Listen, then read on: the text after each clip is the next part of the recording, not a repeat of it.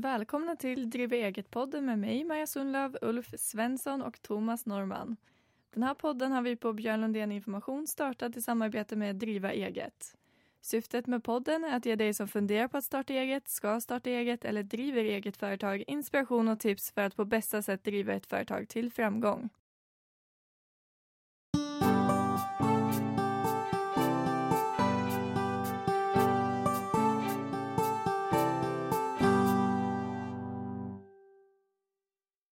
Det här avsnittet kommer vi ha temat starta företag. Thomas, vad är på gång inom företagarvärlden?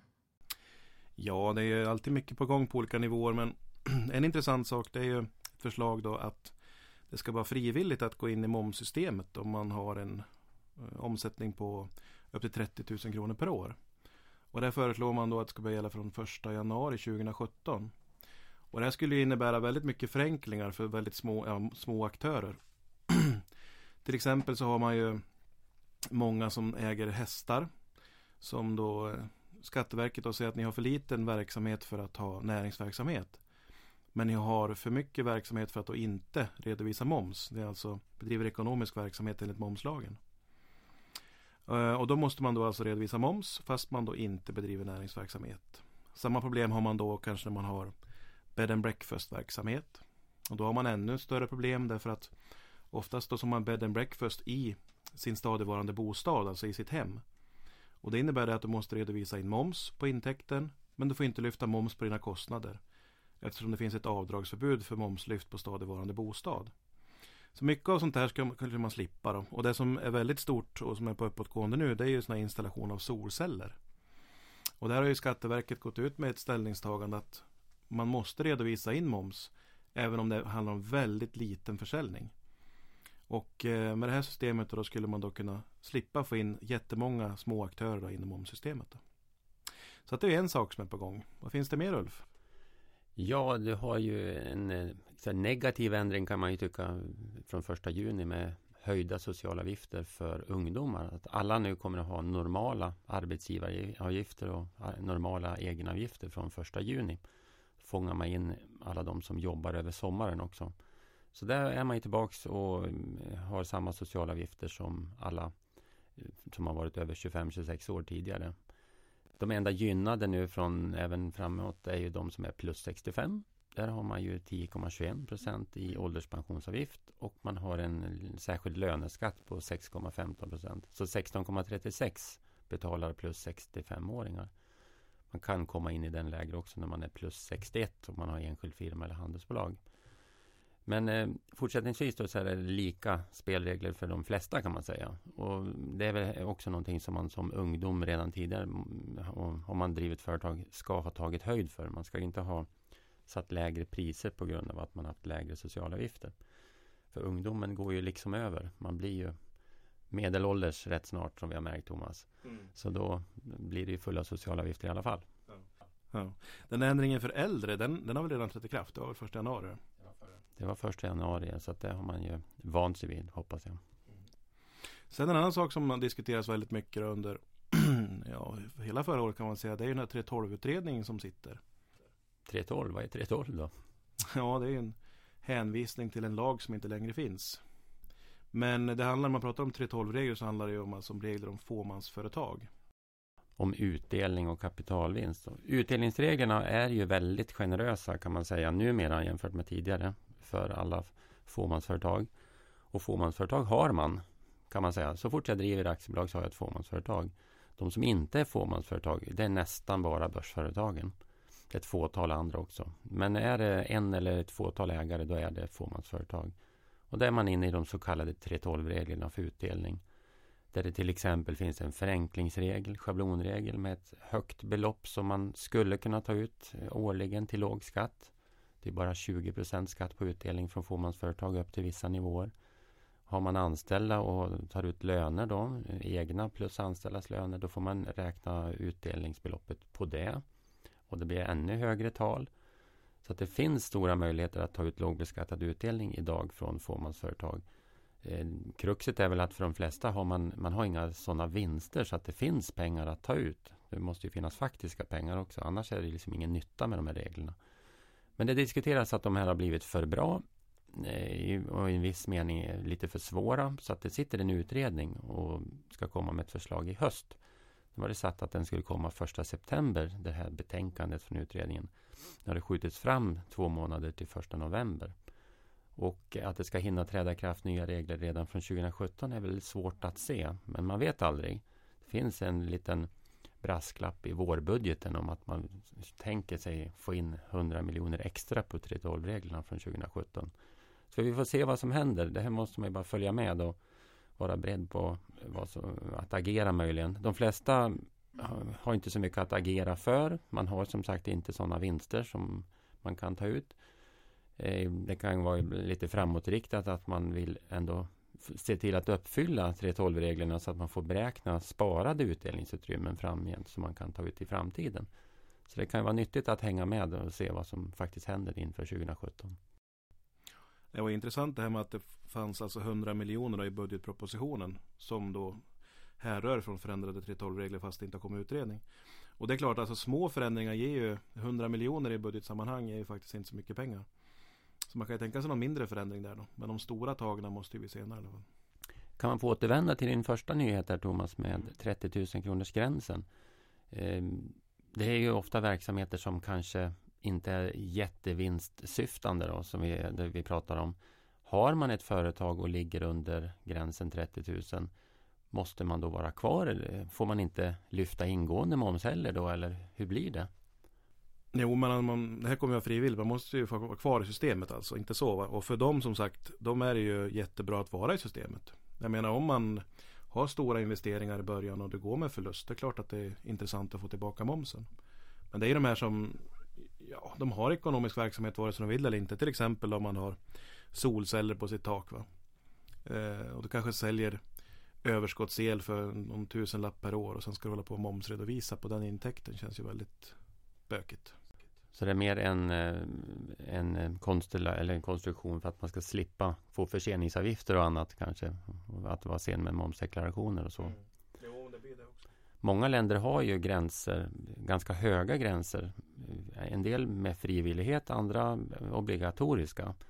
I Storbritannien finns det ju en gräns upp mot en miljon kronor per år där man inte behöver vara med i momssystemet. Eh, det har ju föreslagits förr i Sverige också, gräns på 250 000 och sådär. Så vi får väl se, det här kan ju vara ett första steg mot högre sådana schablongränser. Precis. Nej, mycket intressant. Jag menar små, eller små ideella föreningar också som har en viss ekonomisk verksamhet. Nu har det varit väldigt tjafsigt med ideella föreningar och moms under väldigt många år. Det har ju satt sig. Va? Men, men eh, nej, det, en, en gräns blir ju väldigt bra faktiskt. Ja, tack för uppdateringen.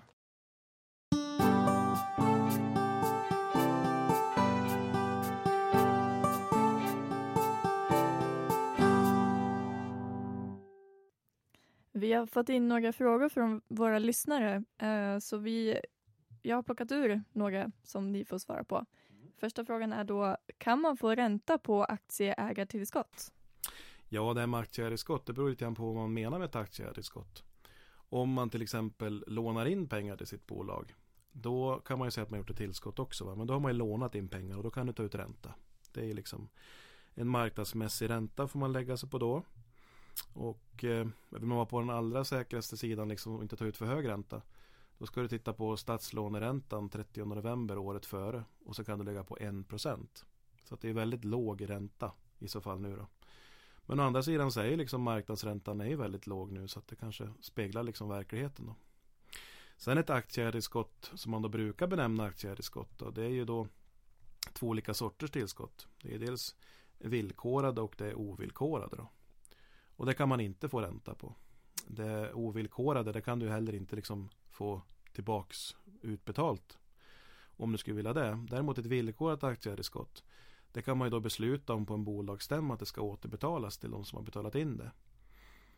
Eh, kräver ju då att eh, det finns fritt eget kapital i företaget. Då. Precis samma förutsättningar som gäller för utdelning. Så att det är väl liksom svaret på frågan då. Eh, hur funkar det med skatt i ekonomisk förening? Ja, ekonomisk förening är ju en intressant företagsform. Eh, det är många som inte tänker på att det är en företagsform. Man tänker ju ordet förening och drar en parallell med ideell förening. Men ekonomisk förening, det är ju tänkt att bedriva ekonomisk verksamhet och främja medlemmarnas ekonomiska intressen. Och själva föreningen den skattar precis som ett aktiebolag. Det är alltså 22% skatt på en vinst. Eh, föreningen är ansvarig för moms, för arbetsgivaravgifter, för särskild löneskatt och så vidare. Men själva vinsten den beskattas alltså med 22% bolagsskatt precis som ett aktiebolag. Eh, sen en till skattefråga. Eh, ska man avrunda aktiebolagets skattepliktiga inkomst vid beräkning av bolagsskatten? Ja, alltså vid beräkning av den här beskattningsbara inkomsten då avrundas den inkomsten alltså nedåt till helt tiotal kronor. Så är det. Eh, du kan ju också tänka på att statlig inkomstskatt och till exempel bolagsskatt den beräknas ju bara om underlaget för skatten är minst 200 kronor. Då. En eh, lyssnare till oss eh, förstår inte riktigt skillnaden på egenavgifter, arbetsgivaravgifter och löneskatt så hon vill att vi ska redogöra för vilka som betalar och vad de här begreppen innebär. Ja, allting hör ju till området socialavgifter. Särskilda löneskatten är ju lite speciell. Det finns dels särskild löneskatt på pensionskostnader. Det är egentligen en, e en extra skatt på pensionskostnader, alltså pensionskostnader som får dras av i en verksamhet. Det blir liksom en liten extra pålaga för att eh, få det mer eh, liksom, rättvist beskattat eh, totalt sett. För när pensionen faller ut till beskattning hos den eh, personen ja, som, som är försäkrad när man blir pensionär alltså, då blir det ju vanlig skatt. Men det är inga socialavgifter på den pensionsutbetalningen. Och därför så blir den här särskilda löneskatten redan, som tas ut redan när man drar av kostnaden för den framtida pensionen. Då blir det som en slags socialavgift då, redan då. Så den tas ut tidigt. Annars är det ju arbetsgivaravgifter eller egenavgifter och det beror helt på vilken företagsform det handlar om egentligen. Eller man kan säga så här att arbetsgivaravgifter det läggs ju på löner till anställda. Och har man aktiebolag så är man anställd själv som ägare. Har man däremot enskild firma eller handelsbolag då är man som ägare inte anställd och då är det egenavgifter. Skulle enskilda näringsidkaren eller handelsbolaget anställa någon annan, då blir det arbetsgivaravgifter på den personens lön. Och arbetsgivaravgifter redovisar man i arbetsgivardeklaration varje månad, månaden efter löneutbetalningen. Egenavgifterna de ligger inbakade i den preliminära F-skatten som eh, debiteras varje månad. Och i den slutliga skatten förstås. Det kan ju vara så att den preliminära skatten har legat fel, både för högt eller för lågt. Så att i slutskatten ingår egenavgifterna för en näringsidkare. Sen har vi egenavgifter även för de som driver hobbyverksamhet eller som har en tillfällig tjänsteinkomst som ingen annan har betalat socialavgifter på. Hobbyinkomster om man har överskott i hobby och på tillfälliga tjänsteinkomster om du får en inkomst som ingen annan har betalat arbetsgivaravgifter på men som det ska vara socialavgifter på. Till exempel en ärvd upphovsmannainkomst eller något liknande. Så det finns några eh, få gånger som det är någonting annat än näringsverksamhet som det är egenavgifter på också. Just det näringsverksamhet, det här med egenavgifter och särskild löneskatt är ju intressant liksom. Om man har aktivt bedriven näringsverksamhet då, då betalar du ju egenavgifter. Och aktivt bedriven då jobbar du ju minst 500-600 timmar, alltså en tredjedels årsarbetstiden i verksamheten då. Eller så är det du liksom som genererar alla intäkter. Så att du jobbar som konsult och säljer din egen tid. Då är du aktivt bedriven, eh, räknas som aktivt bedriven näringsverksamhet redan från början. Däremot om du är passiv näringsverksamhet, eh, det vill säga du kanske har ett hyreshus som du bara liksom tickar in hyror från och det mesta som kommer därifrån det är liksom att du har en kapitaltillgång i form av ett hyreshus eller att du har några skogsskiften som du inte är aktiv alls på utan du liksom, då kan det bli särskild löneskatt. Då. Och det är liksom Det är inte så bra att ha särskild löneskatt kan man säga. Den är på passiv näringsverksamhet va, den är då inte sjukpenninggrundande. Den är inte pensionsgrundande den inkomsten. Du får inget jobbskatteavdrag. Så att det är liksom en nitlott nu om man säger näringsverksamhetmässigt att ha särskild löneskatt. För 15 år sedan eller någonting sånt där va, då var det ju jättebra att ha särskild löneskatt. För då var, fick man ju låg, fick man ju lägre socialavgifter. Då. Men det där har ju ändrats under senare år. Vi tar en eh, sista fråga. Jag eh, har anställt en ny person i mitt aktiebolag som har eh, F-skatt. Så den personen är alltså enskild han har enskild firma. Hur, hur gör jag som arbetsgivare? Ja, det där blir en svår fråga. Alltså, om du har anställt en person som du säger, då, då är det ju arbetsgivaravgifter och preliminärskatteavdrag på den lönen. Men om personen vill hävda, eller om man inte ska ha ett anställningsavtal utan att eh, den här personen ska fakturera sitt jobb. Eh, då kan, man ju, kan ju den åberopa sitt F-skattegodkännande och fakturera. Men det kan man ju inte göra om det är anställningsliknande. Så det är lite mm, balansgång där om, eh, om det är en under, eh, underentreprenör som fungerar som vanligt så att säga. Då funkar det med fakturering. Men är det allt för nära en anställning, alltså att det jobb i arbetsgivarens lokaler under arbetsgivarens ledning och det är typiskt, eh, eh, man bestämmer eh, ersättningen precis som man gör för en anställd. Då funkar inte F-skattegodkännandet, skulle jag vilja påstå. Det bör man passa sig för. Så först är det liksom, vad vill man avtala om? I det här fallet, vill man att det ska vara en anställning eller vill man att det ska liksom vara mot faktura? Och steg två då, vill man att det ska vara mot faktura, att man ska fakturera sitt jobb, då får man titta på funkar som sagt.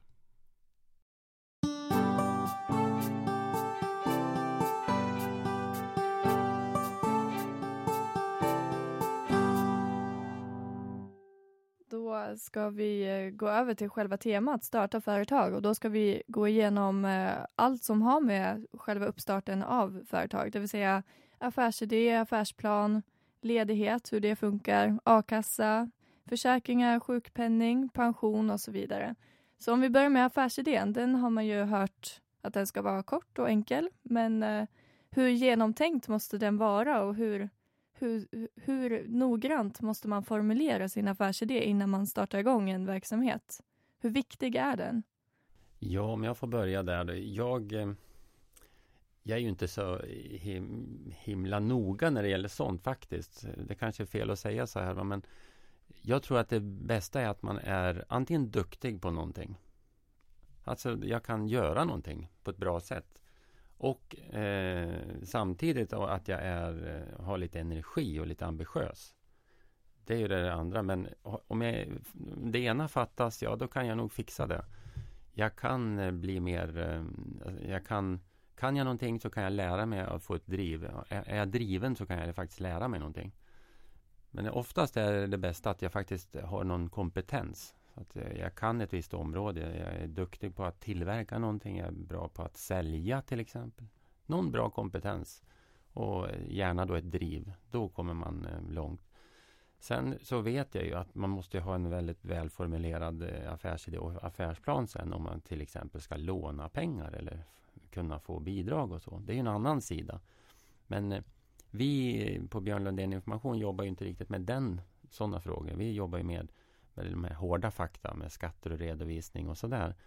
Så vi ser ju att de som lyckas är oftast de som kan någonting och som har ett driv. Men du nämnde affärsplan eh, och det är ju en del saker som ska finnas i affärsplanen också, bland annat affärsidé men sen så är det lite konkurrentanalys och man måste ta reda på vilka som är i sin marknad, i den branschen som man ska starta sitt företag i. Men hur tar man reda på vilka som är marknaden? Finns det några enkla verktyg eller? Det kan man ju fundera på om man är på en lokal marknad eller en större marknad. Lokalt, jag vill starta pizzeria. Ja, då ser jag ju lätt hur många finns det? Hur långt ifrån rent fysiskt om jag tänker mig en viss lokal Finns det ett upptagningsområde? Finns det kundunderlag? Det är ganska lätt. Går man ut och tittar på nationellt eller globalt, då blir det ju förstås tuffare. Men man kan väl påstå att Google och andra sökmotorer är ju fantastiska. Man kommer fram, få fram väldigt mycket fakta.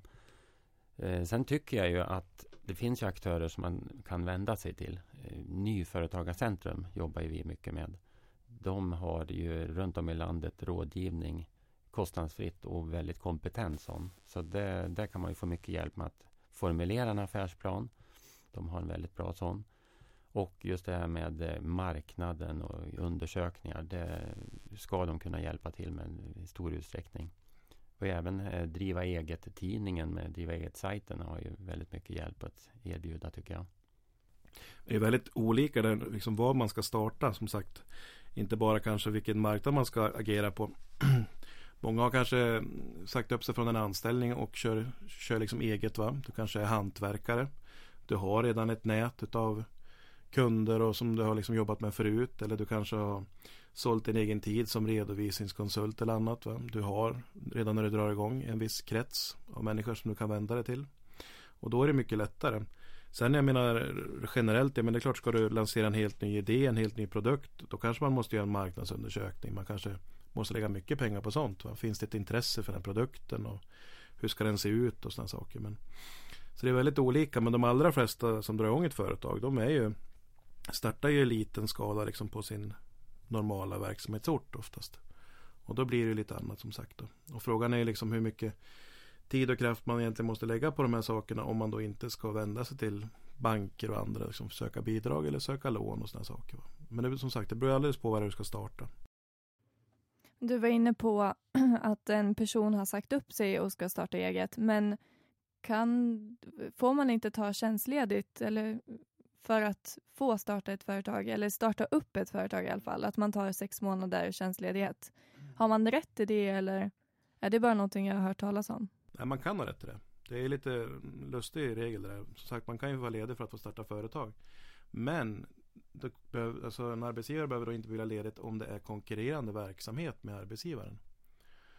Och om man då tänker lite rent eh, praktiskt på det. Vi säger att du är elektriker till exempel och ska dra en verksamhet. Det mest logiska är väl kanske att du ska bli elektriker i egen företag. Eller att du jobbar på, ett, eh, på en redovisningsbyrå. Det är klart att du kanske också drar igång en redovisningsbyrå. Va? Men det är klart, jobbar du på redovisningsbyrå och vill börja pröva att jobba som elektriker. Då kan inte en arbetsgivare säga nej. Va? Då har du rätt att vara ledig för att starta företag. Då. Eller att du kanske sticker iväg till en annan ort så att du inte har konkurrerande verksamhet eller så. Men visst, det finns en sån regel som man kan nyttja. Mm. En annan del i affärsplanen är själva marknadsföringen när man ska kicka igång ett företag. Men eh, vi ska faktiskt eh, ägna ett helt avsnitt till marknadsföring så vi, vi släpper den delen. Eh, men när man startar eget företag, hur ska man tänka kring a-kassa? Hur funkar alla regler kring, kring det? Vi har ju en ganska bra regel i Sverige om att, att eh, man kan stå kvar i sin gamla a-kassegrundande inkomstnivå när man startar företag. Och det får man stå kvar i 24 månader och det är oavsett vilken företagsform man startar. Så det är ju en fördel att om man då har en bra a-kassegrundande inkomst redan innan då är man rätt så trygg i två år i alla fall. Så det är ju just en en regel som har införts för att man ska våga byta jobb, våga starta företag. Men sen när det gäller själva när man driver företag om man ska vara med eller inte. Det är ju en sån där, får man ju tänka efter själv. Vilken trygghet eh, vill jag ha? Vad kommer jag, den här inkomsten som jag då kommer att kunna få om jag lägger ner, kan jag leva på den? Eller ja, sådär. Det är ju eh, avgiftsnivåerna är ju ändrade sedan eh, några år tillbaks. Det var ju en period när det var väldigt differentierade avgifter. Jag tror det var höga i vissa a-kassor och lägre i andra. Nu har det väl jämnat ut sig lite mer. Men sammantaget måste man väl se det som en ganska låg försäkringspeng. Alltså låg avgift för att ha en god försäkring. Speciellt från 1 september 2015 för då var det ju en förändring där. man slog ju taket på a-kassan på en inkomst på 18 000 kronor. Fram till det. Och det var ju alltså mindre än 10 procent av de som jobbar som, eh, som inte slog i taket. Så att eh, nu då från, från 1 september tror jag det var 2015 då höjde man det taket till 25 000 kronor. Och då vart det ju mens mycket intressant där man kan få mer ersättning då. Men det är intressant och framförallt det spåret som Ulf börjar med att dra i här. Det här med att du får stå kvar i din gamla inkomst i upp till 24 månader om du startar eget. Det är väldigt intressant. Säg att du till exempel jobbar som journalist på Dagens Nyheter. Du kanske har en lön på runt 400 000 per år och så nu vill du bli frilansjournalist. Och kör igång en egen verksamhet. Va? Du har liksom, måste bygga upp ett namn även mot andra aktörer än just DN och sådana saker. Och då har du alltså upp till två år på dig att bygga upp en omsättning. Va? En vinst i enskilda firman som kan byggas en ersättning på. Då. Och rent krasst så tidigare så var det här en ettårsregel. Jag vet jag och Ulf hade ju jättemycket kurser förut för inom kultursektorn, arbetslösa kulturarbetare och sånt där. Och de eh, pratar ju ofta då om det här att man måste bestämma sig inom ett år, sa de då, då. Nu är det två år då. Man måste lägga ner inom ett år, ja. brukar de säga. ja, och vi fattar ingenting. Liksom, gud vad gud vad destruktiv det är. Men då var den här a-kasseregeln liksom att, för att efter då två år va. Kör du då kanske två år och två månader, ja då får du alltså stämpla på den inkomst som du precis har bestämt dig för att du inte kan leva på. Men om du väljer att lägga ner din enskilda firma efter 23 månader, ja då får du stämpla på den lön du hade innan du startade eget. Så det här är ju en väldigt viktig regel att känna till. Verkligen. Men Ulf, du var inne på att a-kassa är en billig försäkring. Vad är det mer för försäkringar som man ska tänka på? Hemförsäkring, företagsförsäkring, vad finns det för typer? Ja, hemförsäkring hoppas jag att alla har som har ett hem i alla fall. Men eh, om du driver verksamhet hemma då ska man ju komma ihåg att den vanliga hemförsäkringen täcker inte automatiskt eh, tillgångar och så i verksamheten. Utan det krävs något slags tillägg. Det måste man kontakta sitt försäkringsbolag om.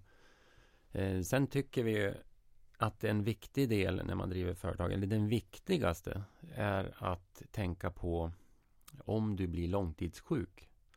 Vad händer då? Du har ju förstås sjukpenning från Försäkringskassan, men den är ju begränsad upp till en viss nivå. Är det så att jag eh, har behov för att familjeförsörja och så vidare, en högre inkomstnivå, då bör jag ha en sjukförsäkring. Och det är alltså ett eh, tillägg som kommer till utöver sjukpenningen eh, efter när jag är långtidssjuk. Så den tycker jag är den viktigaste. Sen förstås, om man har anställda måste man ju tänka på försäkringar. Eh, den viktigaste av dem är ju arbetsskadeförsäkringen. TFA, den heter, Trygghetsförsäkring mot arbetsskador. Och den kan man omfatta sig av även själv då, som företagare. Och eh, har man inga anställda så är det en väldigt billig grundavgift. Och den omfattar en även om man tar in en tillfällig anställd så omfattas den tillfälligt anställda av försäkringen automatiskt. Så jag vill, jag vill lobba för sjukförsäkringen som tillägg för sjukpenning och eh, den här arbetsskadeförsäkringen och tillägget då till hemförsäkringen om man har lokal eller verksamhet hemma. Jag skulle vilja dra lite grann i det där eh, a-kassespåret ja, eh, fortsatt. fortsatt. Det finns ju en jättebra regel också med a-kassa som man bör känna till och det är det här att om du kan visa liksom att du har drivit ditt företag på sidan av en anställning och blir arbetslös. Då ska du känna till också att då ska du ju ta upp det med a-kassan. Eh, vi säger till exempel att du är heltidsanställd på Björn Lundén Information och sen på helgerna så jobbar du extra på en, på en krog, serverar eller står som vakt eller sådana saker. Och i regel så jobbar du kanske eh, Ja, du kanske jobbar 25% eller 50% säger vi. Man är väldigt duktig, va? du jobbar en och en halv heltid. Och sen blir du då uppsagd från ett heltidsjobb. då ska du liksom ha möjlighet att få stämpla, få ersättning alltså från din heltidsanställning. Men ha kvar din deltidssyssla. Den du jobbar lite grann med. Va? Och den här regeln ska ju fungera ju också på samma sätt om du har företag. Då. Så vi säger att du har en heltidsanställning och drar igång en enskild firma. Så jobbar du lite i den. Då ska du liksom kunna ha den enskilda firma kvar på oförändrad nivå när du blir arbetslös från din heltidsanställning. Men det här är någonting som man oftast måste ja, kanske inte upplysa om men i alla fall diskutera med a-kassan innan man får det rätt. Liksom. Och det bör man ju känna till som sagt. Man kan få ersättning från heltidsanställningen men köra kvar sin enskilda firma. Uh, en annan försäkring, pensionsförsäkring. Hur viktigt är det att teckna en sån och varför ska man teckna en sån i så fall? Uh, jag skulle vilja säga det är inte alls viktigt. Avstå. Det är liksom det korta svaret. Varför? Den, lå den, låter ju bra. Ja, när man startar företag så är ju inte pensionen det första man ska tänka på. Jag menar, man ska tänka på vad händer om jag skadar mig, om jag blir långtidssjuk? Eh, vad händer om jag får ett avbrott i verksamheten? Man ska tänka på nuet och den närmaste tiden. Och sen kan man ta tag i det här med eh, sparande inför ålderdomen. Man ska först och främst se till att försöka bli gammal och ha det hyfsat under tiden. Men ehm, att, och just försäkring, pensionsförsäkring, det leder ju tankarna helt fel tycker jag. Pensionssparande, det är bättre. Självklart, så fort det finns möjlighet så ska man ju tänka på att spara till pensionen. Om jag nu ser att då kommer jag behöva tillskott. Och det kommer de flesta att behöva. Om man tänker på det här orangea eller röda kuvertet så ser det ju, man landar väl någonstans i snitt på att man får strax under hälften av den tidigare inkomsten som pensionsinkomst från staten. Jag tror att det är i snitt, man pratar om 40-50 procent någonstans kanske. Och det kanske inte alla kan överleva på. Och då behöver man ett eventuellt tillskott. Eh, nu kommer man förmodligen att göra av med mindre pengar när man är pensionär. Men Hur ska man spara till, eh, till dess då? Ja, pensionsförsäkring är normalt sett det sämsta alternativet. Men eh, för vissa som behöver mer tvångssparande, att man inte kan komma åt pengarna under tiden fram till pensionen, då kan det vara nyttigt. För de blir liksom inlåsta hos försäkringsbolaget. Och sen när man tänker, precis jag håller med Ulf där, när man ska starta, då gäller det liksom att man får, får, får flyt på det. Men sen när man funderar framåt, om man ska vara egenföretagare hela livet, så kan det vara intressant att tänka på det. Och framförallt också från prissättning då. Många, väldigt många kollektivavtal har ju eh, upp till 4 i pensionsavsättning då. När man då pratar om nivåer under pensionsgrundande inkomst. Och eh, tjänar man mer än det då blir avsättningarna betydligt större då, liksom, för att få det här avsatt. Men som sagt det är ju väldigt eh, oftast låga nivåer för väldigt många som man får ut i allmän pension. Och eh, vill man då förbättra det. Och en grej då som fortfarande är avdragsgill då som tjänstepensionsförsäkring om man är anställd. Eller då motsvarigheten då. Att du får göra avdrag i din enskilda firma med 35% av årets eller föregående års vinst i din enskild firma. Det kan ju vara intressant. Sen är det särskild löneskatt på den avsättningen ska man känna till också. Va? Men eh, apropå pension då, som, eh, som nyföretagare, ska man anmäla att man har en anställd i sitt företag och att man vill då börja pensionsspara? Hur går det till rent praktiskt? Du menar om du anställer någon i din enskilda firma? Ja, precis. Ja, där är ju frågan om du, eh, det är ett avtal med en anställd och ska vi ha tjänstepension på dig eller inte? Eh, omfattas man av kollektivavtal, då blir det automatiskt eh, att man måste följa det. Om man inte har det, då kan man ju välja eh, att komma överens om olika slags anställningsvillkor. Till exempel att ha tjänstepension. Och för en anställd så är det ju sällan negativt. Då. Det är ju bara positivt om det sparas i tjänstepension. För företagaren själv är det mer en valfråga. Vill jag ha ett inlåst sparande i en försäkring eller kan jag spara på annat sätt? Till exempel att eh, skatta fram vinst och amortera på huslånet eller sätta av eget sparande i fonder eller vad man nu gör. Eh, men för en anställd är det ju att eh, du måste, beroende på om du har kollektivavtal eller om du har avtalat med din anställd eh, om det ska vara, om det är pensionsförsäkring. Och är det det, ja, då måste du anmäla det automatiskt. Sen är det ju om man tänker på hur det funkar i arbetsmarknaden i stort så kan man säga att om du anställer någon tillfällig, och gör en tillfällig anställning. Då kanske det inte är så viktigt det här med eh, tjänstepensionsdelar. Va? Men om du har någon tillsvidareanställd så med allra flesta branscher så är det kutym att man har någon slags tjänstepensionsförsäkring. Så det, det tycker jag att det ska man ha. Kan vi lägga till att om du har driver eget företag i aktiebolagsform då har du liksom en enklare eh, alltså en bättre möjlighet att pensionsspara i egen regi om man uttrycker det så. Eh, har du enskild firma finns det inte någon möjlighet att spara pengar i företaget i till exempel fonder utan då blir det ju av beskattade pengar. Men i ett aktiebolag då kan ju själva aktiebolaget spara i vad du nu väljer. Till exempel en kapitalförsäkring eller i fonder eller på bank eller vad, vad det är. Så då har du ju själva ditt eget bolag som pensionssparande det, det jag reagerar mot är ju pensionsförsäkringar som jag tycker liksom man ska fundera flera gånger på innan man skaffar för egen del. Och när man är ny företagare så tycker jag inte att det, det är inte det primära. Det är inte bråttom att tänka pensionsförsäkring eller pensionssparande överhuvudtaget utan låt det gå lite tid och se hur det går i verksamheten först.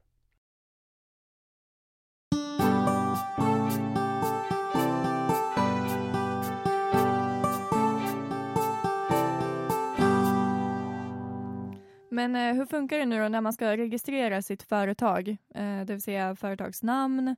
Hur kollar man om företagsnamnet är upptaget eller inte? Du, vi går in på lite mer praktiskt. Ja, det beror på lite grann vad du ska registrera då. Eh, om man tänker att de allra flesta kanske kör igång en enskild firma. Då behöver man egentligen inte registrera sitt namn om man inte vill. Va? Det är egentligen två olika registreringar som kan bli aktuella och det ena är ju till Skatteverket och den behöver man ju verkligen göra. Man brukar prata om skatte och avgiftsanmälan, alltså att man registrerar sig för F-skatt och moms och i undantagsfall om man är nystartad direkt att man blir arbetsgivare också. Så den måste man ju göra. Men sen har du då även en, en eh, registrering till Bolagsverket.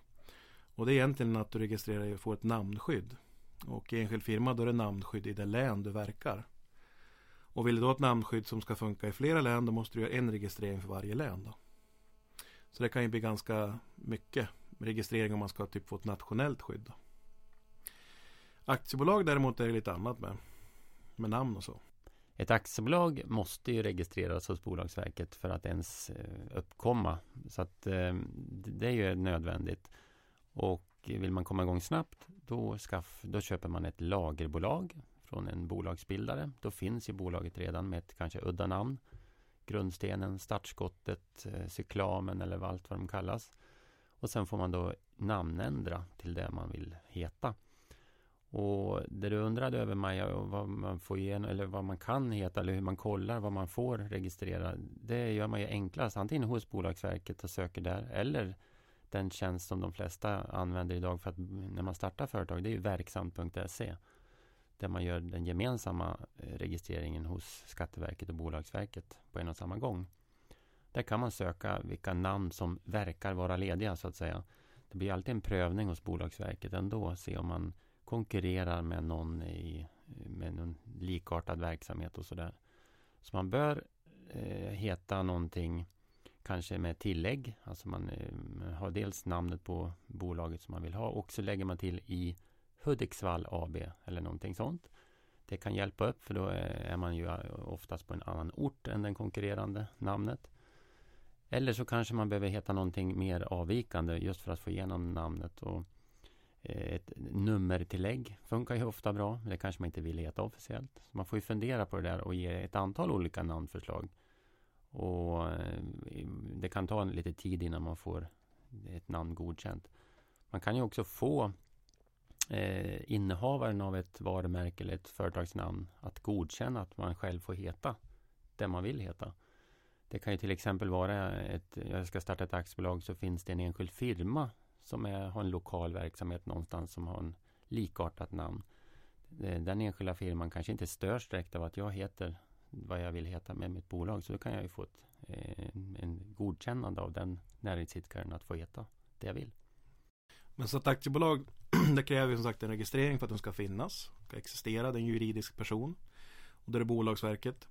Samma sak är det också med handelsbolag. Den finns ju inte heller liksom som juridisk person förrän det är registrerat. Då. Så att det enda man egentligen liksom bara kan bli med, fast man inte egentligen kanske inte ens ville, det är ju enskild firma. Den bara uppstår ju genom att du beter dig på ett visst sätt. Om du till exempel vaknar en morgon och känner att du har en enorm passion för att stå på torget och sälja frukt. Och så börjar du köpa in frukt från grossister och ställer det där med ett stånd. Så när du har gjort det en liten period, då kommer du att ha en enskild näringsverksamhet. Som då enskild firma egentligen kallas då. Det är liksom varaktighet, det är vinstsyfte och det är självständighet. Då. Så att eh, en enskild firma den kan bara uppstå. Men de övriga som sagt är juridiska personer som måste registreras. Då. Just det, men enskild firma, företagsnamnet, blir det automatiskt mitt personliga namn då? Eller kan man byta namn på sin enskilda firma? Du heter ju automatiskt det du heter som personnamn. Så är det. Jo, men så är det i den enskilda firman. Sen om du vill ha ett annat namn, då kan du registrera det hos Bolagsverket. Du kan ju också kalla dig något annat, men du står ju risken där då att du konkurrerar med någon som har ett registrerat varumärke eller företagsnamn. Och då kan det ju komma någon stämning plötsligt, va? eller hot om skadeståndskrav. Så att man bör ju kolla namn eh, och det är enklast att söka på verksamt.se eller på Bolagsverket och få kolla där. Men i den här tjänsten på Verksamt då gör du ju den här registreringen till Skatteverket också. Och som Thomas var inne på, F-skattegodkännandet är ju det primära, det viktigaste. Om du ska sälja tjänster är det ju helt nödvändigt. Det är beviset för att inte den som ska betala dig eh, tvingas agera som arbetsgivare. Alltså man, han kan bara låta bli att göra skatteavdrag och låta bli att betala arbetsgivaravgifter om du har F-skattegodkännande. Det är liksom företagarbeviset för den som säljer tjänster. Mm. Det det varit så är det helt ointressant egentligen för den som köper. Om vi är tillbaka vid mitt fruktstånd där på torget när jag står där och säljer frukt. Då är det ju ingen som liksom kan misstänka att de ska eh, måste betala arbetsgivaravgifter för mig eftersom de köper min frukt. Så när det gäller varor så är det betydligt mindre intressant än när det gäller tjänster. Och eh, utöver F-skattegodkännandet så är du inne på moms och momsregistrering. Och de flesta har ju momspliktig verksamhet. Och där har du ett antal val du ska göra om du ska eh, redovisa moms eh, ofta i takt med fakturering eller i takt med betalning. Det är en hel del att tänka på där. Men hur vet man, eh, eller hur får man bestämma fritt om jag vill ha månadsmoms eller tre månaders moms eller är det en viss omsättningsgräns eller? Ja, det finns ju omsättningsgränser. De är ju rätt så höga. Du har ju årsmoms för alla under en miljon i omsättning. Och man kan väl utgå från, som nyföretagare så kan du ha moms en gång per år om du vill. Du kan använda kontantmetoden, alltså redovisa moms i takt med att du betalar eller får betalt.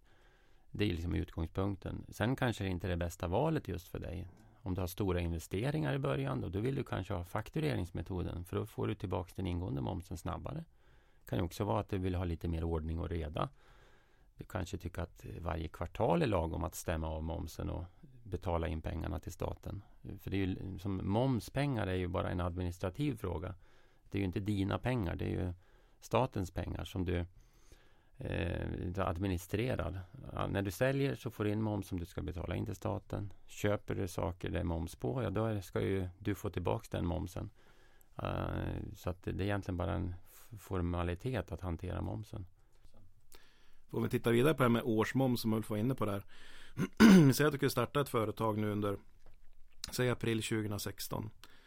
Och eh, har massa kostnader här i början. Då. Det har man ju oftast när man drar igång ett företag och det är svårt med intäkterna i början. Då kommer du att redovisa den momsen då, om du inte haft några EU-transaktioner som det heter. Alltså ingen EU-inköp och inga EU-försäljningar. Då kommer du att redovisa den momsen i samband med din inkomstdeklaration som sker då i början av maj 2017. Och sen efter det då så kommer du att få tillbaka dina momspengar. Kanske någon gång där under sommaren då. Så att, eh, och då är det alltså, har man ju fått lägga ut med momspengarna då kanske i ja, i 12-18 månader liksom. Det är ju fullt normalt. Så att har man stora investeringar så, så är det kanske ganska smart att man har en, en momsredovisningsperiod som är kortare än ett år. Va? Tre månader kanske. Men om vi hoppar tillbaka till eh, själva registreringen. Jag tänkte på om man har en produkt. Ska man eh, copy, vad säger man? Varumärkesskydd. Varumärkesskydd, precis. Ja, det kan man ju fundera över. Det är ju lika, kan vara lika viktigt som själva företagsnamnet förstås. Om du har ett unikt, eh, förhoppningsvis unikt varumärke, då kan du lika gärna skydda det också. Det blir ju en avgift förstås för varje registrering du gör, men bättre att försöka vara säker från början så att du inte får problem senare om du börjat sälja under ett visst namn och så är det någon annan som skyddar det namnet.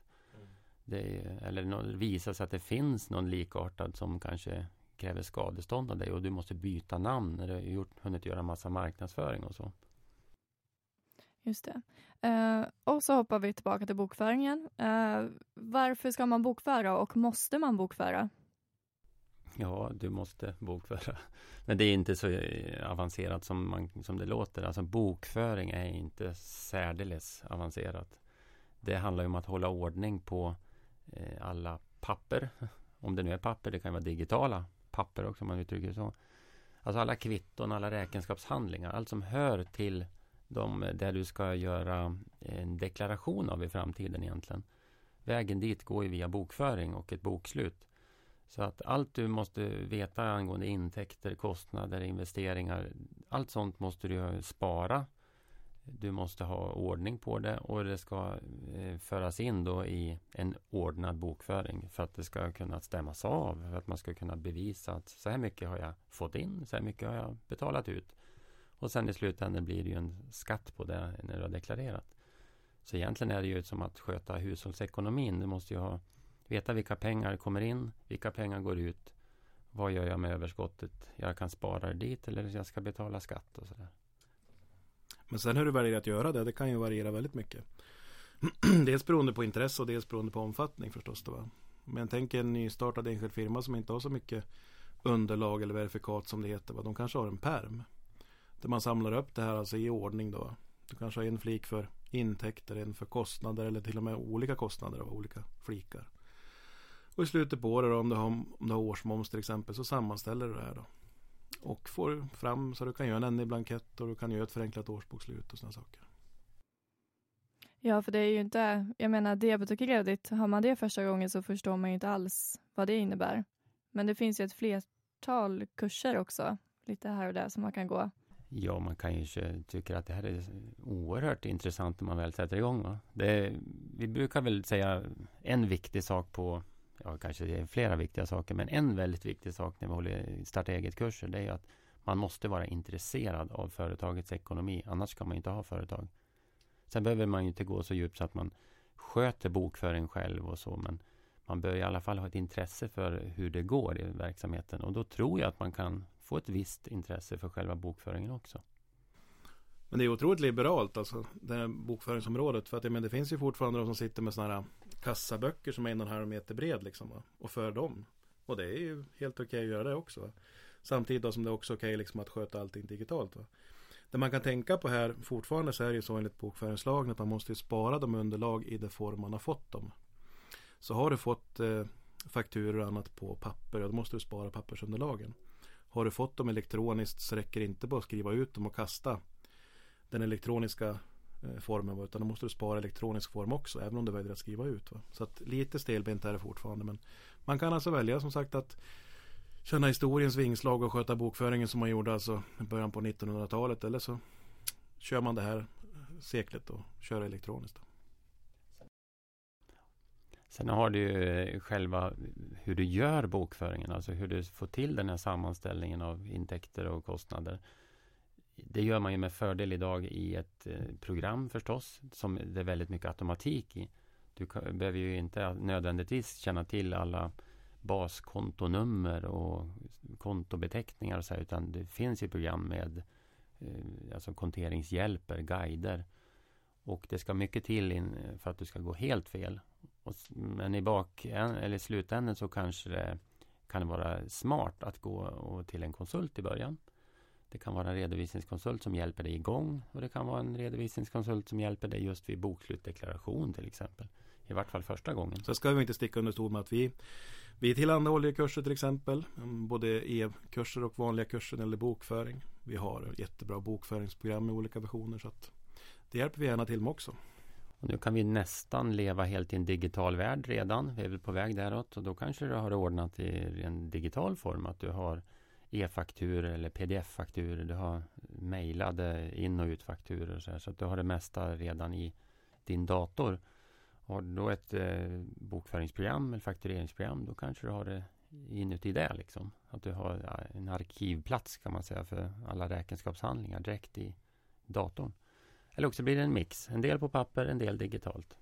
Men vad skulle hända om jag bestämmer mig att starta ett nytt företag eller starta eget eh, och så beslutar jag mig att nej, men jag, jag eh, sparar in lite pengar så att jag eh, bokför själv och så kan jag absolut ingenting men jag försöker ändå. Vad händer om min bokföring är katastrof? Vad händer då? Vad är konsekvensen av det? Ja, den slutliga konsekvensen det vore om det visar sig att du har lurat staten på pengar. Då är konsekvensen att du har gjort något, någon form av skatteförseelse. I värsta fall ett skattebrott. och i och med det, dessförinnan har du ju begått ett bokföringsbrott. Um, och vad blir konsekvensen för de som gör det väldigt grovt? Ja, då är det ju fängelse liksom och böter. Då. Men um, någon eh, mildare straff kan det bli också, alltså bara böter eller så. Vi får väl hoppas att det slutar med att du, det kanske visar sig att du har lurat dig själv och betalat in för mycket skatt. Jag vet inte vad som är vanligast, men det är säkert lite 50-50 där. Okunnighet leder nog både till fel för staten och fel för den eh, personen som driver företaget. Så känner man på sig att nu är jag ute på hal is här, alltså ordentligt. Jag vet egentligen inte vad jag gör.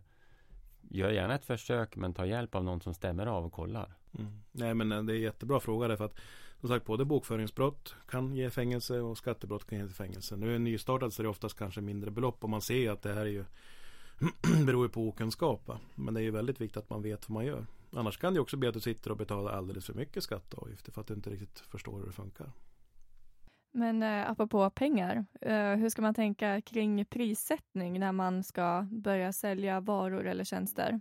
Det är väl någonting som lämpar sig för ett helt eget poddprogram egentligen, men vi, vi kan ta det lite kort sen när man startar. Det är så lätt att tänka eller glömma en massa beståndsdelar i pris, eller hur Thomas? Ja, verkligen. Det är ju det här du tar liksom betalt för, det ska ju klara alla dina omkostnader som du har under ett helt år. Va? Och enklast är kanske att räkna med att man säljer sin egen tid. Säljer man varor, ja då är det ju, måste man också liksom tänka bort vad man har för inköp i varukostnad liksom, för att göra de här produkterna du ska sälja. Då. Men det är väldigt mycket att tänka på där. Liksom, steg ett är ju, först måste man ju då fundera på hur mycket av min tid kan jag egentligen fakturera ut. Man kan ju säga det att ett, eh, inom eh, konsultbranschen, säg redovisningsbranschen där man har väldigt mycket jobb liggandes på hög. Va? Man bara byter mapp liksom för kunder. Kommer man upp till över 80 procent där är utdebiteringsbar tid. Va? Så är det jättebra. Som nystartad eh, näringsidkare kanske ska sälja en egen tid. Då ska du kanske vara väldigt nöjd om du kanske kan fakturera ut halva dagen. Resten av tiden är liksom din egen bokföring, din egen marknadsföring. Det är att ge offerter till kunder som inte vill ha något i slutändan och så vidare. Va? Allt sånt där som du inte kan ta betalt för. Så att när du sätter priset så måste du ju dels då utgå liksom från vad är rimligt att tro att vilken tid kan jag fakturera ut då? Men eh, hur noggrant är det om, om man ska tänka pri prissättning? Måste man då ha en budget innan? Eller ska man budgetera efter? Och ska man ens upprätta en budget? Hur, hur viktigt är det?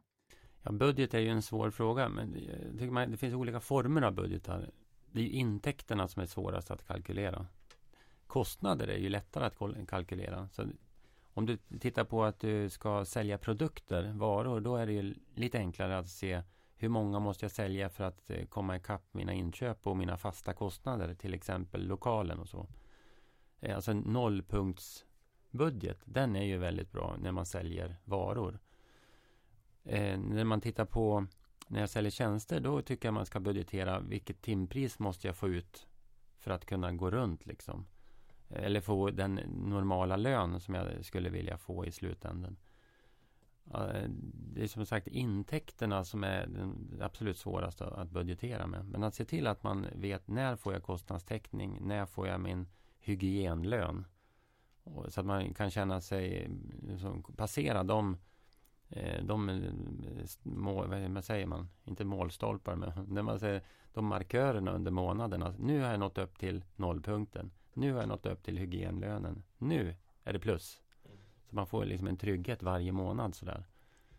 Ehm, och sen är det givetvis att se till att likviditeten funkar, alltså att man har pengar att betala räkningar för. Den likviditetsbudgeten är ju, är ju minst lika viktig som att titta på själva kostnader och intäkter. Sen när man får betalt och likviditet också, en annan väldigt viktig sak att tänka på det är det att om du till exempel köper in då material och dina leverantörer kräver dig på tio dagar så kommer ju liksom likviditetsfrågan där blir intressant om du ger dina kunder 30 dagar. Någon ska ligga ute med pengarna där i 20 dagar liksom. Då får ju du ge dina kunder kredit va. Och då måste du ha pengar för det. Eh, det kanske är en bransch att du måste göra det och då måste du se till att du har en, en eh, kredit hos banken så att du klarar det. Va? Eller att du har bra likviditet när du går in i det med företagande. Då. Så att en jättebra tumregel är det att det är allra bästa av världar. Då kan du få 30 dagar att betala dina leverantörer på. Och du kräver dina kunder på 10 dagars betalning. Ja, eller att du kan lyckas få ett förskottsbetalning av dina kunder eller direkt betalt när du levererar. Mm. Det är ju inte, säg att du besöker en bilverkstad och bilen ska lagas för 7000 kronor visar sig. Eh, jag tror du blir ju, egentligen vill ju kunden göra klart det direkt. De vill betala direkt. För att om kunden får fakturan eh, och ska betala nästa månad då blir kunden sur en gång till så att säga. Eh, det räcker med att bli sur direkt och så gör man klart och går vidare. Så att försök ta betalt i förskott eller direkt eller med kort kredittid. Och så ska du försöka, som Thomas är inne på, ha lång kredittid från dina leverantörer. Då får du likviditet som funkar lite bättre. Men hur ser man till att få betalt då? Hur får man in pengarna? på bästa sätt? Ja, det finns ju många metoder. För det finns ju så här muskelinkassoföretag. Men om man inte börjar där då, utan börjar med... Eh, eh, för det första så är det det här med att sälja på kredit. Det är ju ingen mänsklig rättighet liksom. Det är, i ursprunget så betalade man vid leverans. Alltså man står ju vid kassadisken i butiken och betalar. Det är sällan man tänker på när man går på en affär att jag vill ha en faktura. Utan man betalar ju där med sitt kort eller med sina kontanter. Där lever ju det systemet kvar. Nu kan det ju vara ett kreditkort möjligen då. Men eh, annars är det ju inte automatiskt så att en köpare ska ha kredit. För varje kredit innebär ju en risk. Alltså kreditrisker, kreditförluster leder ju till problem för företag. Det är ofta det som orsakar att det, man måste sluta med företaget, att man inte har fått betalt. Särskilt om du säljer varor är det ett stort problem. För du har ju själv inköpskostnader som då om du förlorar på en kund som inte betalar sin eh, faktura, ja då måste du sälja väldigt många varor för att nå ikapp igen. Säljer du din egen tid, ja då har du inte haft den stora kostnaden. Du, du går miste om en, en, liksom en ersättning till dig, men du behöver kanske inte jobba ikapp för att täcka det du ska betala. Mm. Och vill man få snabbt betalt också så ska man ju En faktura ska ju inte väcka mer frågetecken än vad den rättar ut. Va? Eh, man ska ju liksom förklara vad det är man tar betalt för. Då slipper ju kunden liksom innan de betalar kontakta dig och vill ha kompletteringar och underlag och så här. Då går det fortare. Sen det med fakturering, det är ju sådana här hantverkarsjuka brukar man ju prata om förut. Va? Att man liksom håller på, du har så himla mycket jobb när du drar igång. Du gör aldrig klart och kan aldrig ta betalt. Och då brukar man ta hantverkare som exempel. De kanske har ett byggprojekt klart som de kanske har hållit på med i två månader. Det finns en halv dags jobb kvar. Du ska sätta listor kanske i de här rummen. Du kan inte fakturera för att du sätter inte listorna. Och innan det här är klart så börjar du på nästa projekt för att lova att det ska bli klart. Va? Och ingenstans i den här kedjan av massa olika jobb har du liksom lagt in det här med att du måste kunna fakturera ut och få in pengar.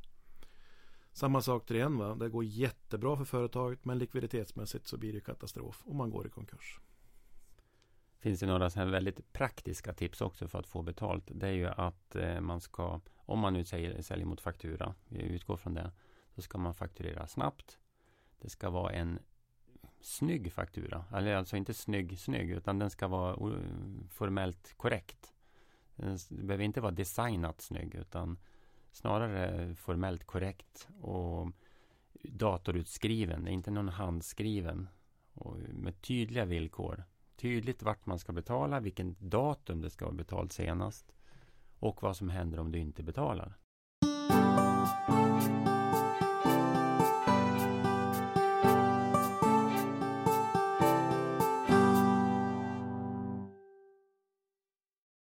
Har vi gått igenom eh, det viktiga i de här stegen i att starta eget eller driva eget företag.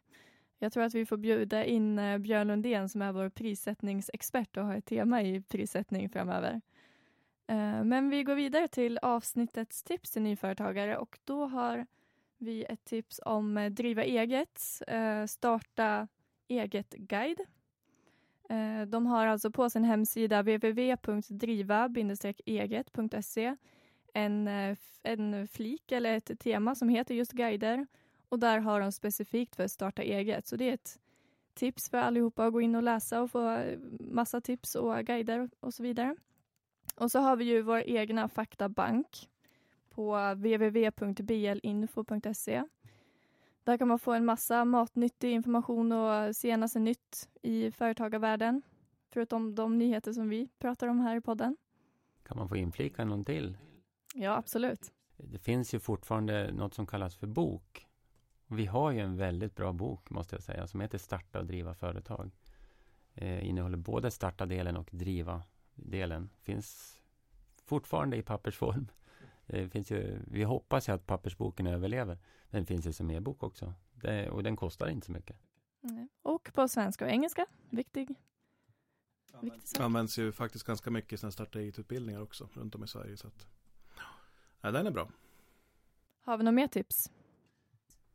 Ja, vi har mer tips. Aktuellt nu närmaste tiden det är ju att det, det går mot sommaren och det blir eh, att man kanske behöver plocka in sommarjobbare i sin verksamhet. Man driver något företag. Det kan ju vara en eh, intensiv verksamhet just på sommaren. Det kan ju vara café eller något sånt där.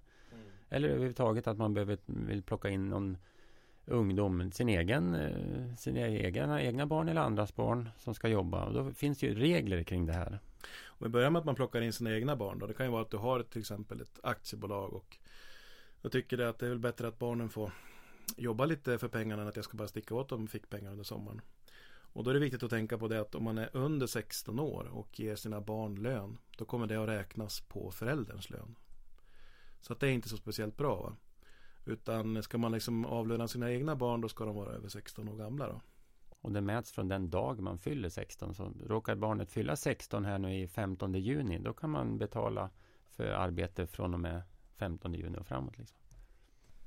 Mm. Andra åldersgränser om man tänker att man ska anställa någon, ja, någon annan som man inte är riktigt släkt med. Sådär, va? Det är det att om man är under 13 år då får man i princip inte jobba alls. Ehm, ja, man kan ju tänka sig majblommeförsäljning.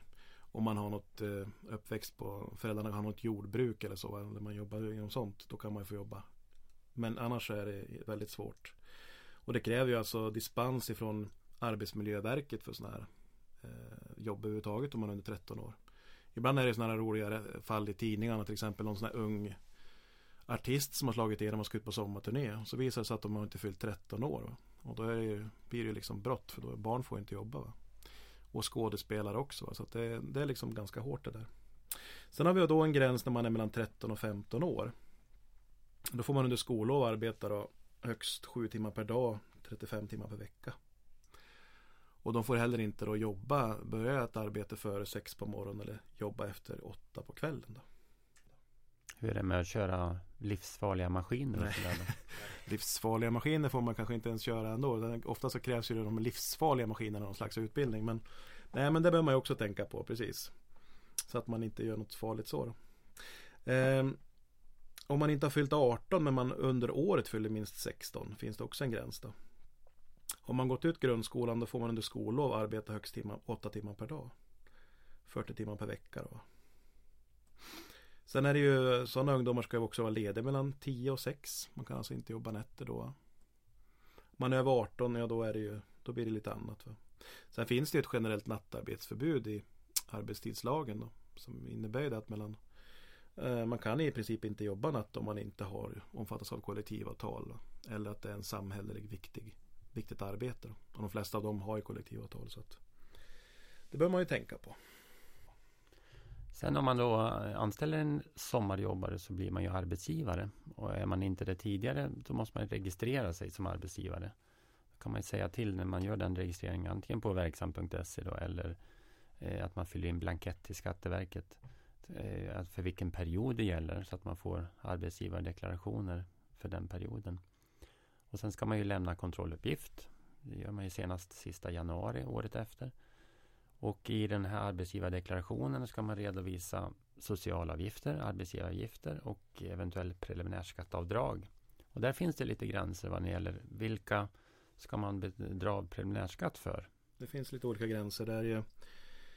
Eh, tjänar man ungefär 19 000 per år då ska man, eller mer än det, då ska man ansöka om jämkning om man inte vill att arbetsgivaren ska dra skatt enligt tabell. Då. Och då blir det väldigt mycket för mycket skatt för en som sommarjobbar. För då tänker man att man tjänar och säg, säg att det är 20 000 man får om man sommarjobbar en månad. Då görs ju skatteavdraget som att du tjänar 20 000 i månaden under hela året. Och det gör man ju liksom inte. Va? Så då behöver man göra en jämkning då. Tjänar man under 18 eller under 19 000 kan vi säga cirka. Då kan man lämna in ett eh, intyg till arbetsgivaren intyg för utbetalning av lön utan skatteavdrag. Och får då en arbetsgivare in sån, ja då behöver man inte göra skatteavdrag. Sen finns det lite annat. Du har ju kontrolluppgiftskravet på 100 kronor. Du måste ju betala arbetsgivaravgifter om du betalar ut en lön under ett år på mer än 999 kronor. Tusen eller mer så blir det arbetsgivaravgifter. Så är det väldigt korta jobb så kan ju det vara intressant. va Det är ju 30 i skillnad då, va? om du betalar någon 900 kronor eller om du betalar dem 1100 kronor. En annan väldigt viktig sak när man håller på med att anställa ungdomar för sommarjobb då. Det är ju det att man har det här med semester. Man får liksom inte avtal enligt, semester, enligt semesterlagen att semesterersättning ska ingå i lönen. Så det måste man liksom specificera. Då kan man ju tänka på det liksom att det ska vara 12 procent minst då. Som ligger utanför. Och det är ju bara en, helt enkelt att räkna. Det är en matematisk grej. Där, liksom. Vill man ge någon 80 kronor i timmen och tycker att det är max så då får man ju räkna av semesterersättning så, det blir ju, så att det blir 80 kronor med semesterersättning helt enkelt. Va? Men i specifikationen ska det stå lön på en rad och semesterersättning på nästa rad. Och det, semesterersättningen betalas ut först när arbetet slutar. Mm. Man gör det inte månad för månad liksom, utan det är en engångsgrej när anställningen har avslutats. Så att eh, det är viktigt det med semester att man sköter det liksom. För det spelar ingen roll om man är överens med den anställda. Utan hela semesterlagen är uppbyggd liksom att det är en skyddslag för den anställde. Och arbetsgivaren är alltid den starkare parten. Så att även om man är överens så får man liksom inte göra avsteg på alla paragrafer i semesterlagen. Och man, då kan det bli så dumt att man är överens men sen helt plötsligt då när det här är slut, flera månader efteråt, då tyckte den anställda att det inte gick riktigt rätt till och så kan man då driva en fråga vidare upp till rättslig prövning. Då. Så att det är bäst att göra rätt. Och när vi är inne på det här, bäst att göra rätt, då ska man väl börja med att eh, alla anställningar ska ju ha ett anställningsavtal. Mm. Eh, det förordar vi starkt att man gör ett skriftligt anställningsavtal, och även om det är en kort anställning. Så att eh, gör en, ett anställningsavtal där det framgår alla de väsentliga villkoren för den här anställningen. Det finns ju mallar. Vi tillhandahåller ju sådana. Det finns det är ganska enkelt att formulera. Men där det tydligt framgår att det är ett tidsbegränsat arbete. Vilken lön det ska vara och så vidare. Mm. Nej, och allting inom arbetsrätten så utgår man ju som sagt arbetsgivaren den starkare parten. Arbetsgivaren har bevisbördan på vad som har kommit överens då. Har man ett anställningsavtal Risken är liksom att presumtionen inom svensk arbetsrätt är att om det inte är något annat avtalat så här handlar det om en tillsvidareanställning. Och det du vill göra i det här fallet, det vi började prata om, det är ju någon slags eh, semestervikarie, ferieanställning. Då. Annan eh, kuriosa grej är att det finns ju ingenting som heter semesteranställning eller feriearbete eller så här längre. Va? Utan det är ju, den anställningsformen har man ju tagit bort. Va? Så nu är det allmän visstidsanställning då som det heter. Den kan ju då vara som minst en dag och som högst då så kan den liksom vara hela sommaren. Kan ju vara två år under en, under en femårsperiod. Mm, det var om sommaranställningar. Där. Vi är inne på semestertemat lite grann. Då är vi, kan vi tänka oss företagaren själv. Vi har pratat om det tidigare om att man ska ha satt av eller se till att i sitt pris få in pengar för att täcka sin möjliga semesterledighet. Och det vill vi väl, eller vill vi väl slå ett slag för att man faktiskt tar semester. Det beror lite på vad man jobbar inom för bransch. Det kan ju vara så att eh, sommaren är högtryck. Då, det är då man jobbar som mest intensivt och så får man ta semester därefter. Men eh, i andra branscher kan man ju säga att högsommaren, det är den lugnaste perioden på hela året. Eh, vi märker tydligt att runt veckorna 30-31, alltså månadsskiftet juli-augusti, det lugnare än så blir aldrig Sverige. Då är all, allt kontorsarbete mer eller mindre nedlagt verkar som. Så att vi tror väl mycket på att se till att vara ledig även om du har eget företag. Du behöver skaffa lite ny kraft och energi och låta hjärnan vila. Och tänk på att se till att dina priser täcker din möjliga semesterledighet. Den kan ju vara lite kortare i början när du har företag och förhoppningsvis få lite mer längre semester med åren som går. Ja, visst, då är du ju en sån här bransch som har väldigt mycket på somrarna. Då får du se till att du planerar in någon slags vila kanske på hösten istället. Då. För det är ju som du var inne på där, säljer man glass eller pizzerier som kanske har 60% av årsomsättningen under tre sommarmånader och sådana saker va, inom, inom krogbranschen och sådana saker. Då har man ju förstås högsäsong i sommaren och då är det svårt att vara ledig. Men då får man se till att vara ledig en annan tid istället. När man registrerar sig hos eh, Skatteverket, alltså via verksamt.se eller via skatte och avgiftsanmälan eller som blanketten numera heter, företagsregistrering. Så är den svåraste delen, tycker jag, när man har enskild firma och ska beräkna preliminär F-skatt. Eh, det är ju, Skatteverket vill ju få in en skatt varje månad som bygger på liksom en uppskattad vinst som du skriver in i din registrering. Och det är klart, en, eh, en, eh, en, elegant start eh, är ju att skriva in noll då. Alltså att du uppskattar vinsten första året till noll. Och det är ju inget konstigt. Ett nystartat företag kan ju mycket väl gå noll. Det kan gå minus också. Så att det är ju ingenting som väcker uppseende och det kanske rent av är det smarta att göra. Men om du annars har gjort en affärsplan och en budget och du ser att förmodligen kommer att bli en vinst som är så här mycket då kommer skatten att beräknas på den om du har fyllt i det i registreringen. Och då kan man ju börja i den änden. Vad, är, vad är, menas egentligen med överskott eller vinst, Thomas? Ja, precis. Det är många fel på. Många skriver ju där in liksom när man tror att man kommer att sälja för, alltså själva omsättningen. Då. Och skriver man in att du ska ha en miljon där då, för jag tror att det är det som de frågar om, omsättningen. Då kommer man ju egentligen då ange att överskott då, i det här fallet, det blir liksom vinsten.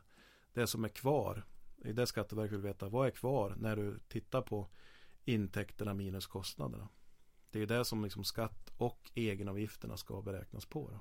Så det är ju jättebra tips att eh, börja med att eh, försöka gissa rätt förstås. Mm. Och eh, Tänk på att inte lägga det för högt och inte för lågt. Men sen kan du alltid ändra så att du kan eh, justera de kommande F-skattebetalningarna. Du ska inte betala in för mycket för då kommer du få dålig likviditet. Men du måste veta hur mycket du kommer att bli, behöva betala i slutändan så att du sparar de pengarna. Och justera gärna så att det ligger så rätt som möjligt. Det är ju en fördel. Men å andra sidan då, om jag ska säga någonting mot Ulf här, som han resonerar, så måste man också tänka på att man vet vad man gör. Om du liksom har fått tips att du ska nolla den där anmälan till Skatteverket. Va? Det är jättebra och det kommer gå med vinst så att jag vill betala, redovisa moms en gång per år. Så gäller det att du vet vad du gör. Va? Om du får en vinst och säg på 300 000 från den enskilda firman så kan man ju ha mått åt hälften kvar. Va? Säljer du för 300, så att du har en vinst på 300 000, då 150 000 av det ska in till staten. Eh, oavsett om du har nollat F-skatten eller inte. Och lever du då upp de pengarna, va, då finns det liksom ingenting att betala in när du har deklarerat för staten hur mycket vinsten är och så. Om du dessutom då har, har årsmoms och inte riktigt förstått att det är inte dina pengar. Det är statens pengar som du bara får låna en stund. Då kommer du vara skyldig jättemycket pengar på momsen också. Va? Och det kan ju också vara, du har en lysande idé, du är duktig på det du gör men du har inte riktigt förstått vad det här innebär och levt upp pengarna liksom. Och så blir det att du får lägga ner, gå i konkurs kanske efter ett år. Va? Så att det, man ska ju också veta att om man lägger sig för lågt i angiven vinst eller för högt också för den delen. Så kan du lämna in en ny preliminär deklaration. Det kan du lämna in varje dag om du vill. Eh, det blir säkert inte så populärt av Skatteverket om du lämnar in den varje dag men alltså rent teoretiskt så kan du göra det. Och du ska ju lämna in den om du, om du märker att eh, det inte stämmer med det du liksom har angett tidigare. Va? Perfekt. Eh, det här var alltså avsnitt två, Starta företag. Ställ jättegärna frågor till oss på Twitter genom att tagga Björn Lundén Info eller hashtagga Driveget-podden. Det går även att mejla in frågor på drivegetpodden blinfo.se. Och med det säger vi att den här podden har klippts och spelats in av Linus Näslund och gingen är gjord av Elias Fyr. Tack för oss. Hej då.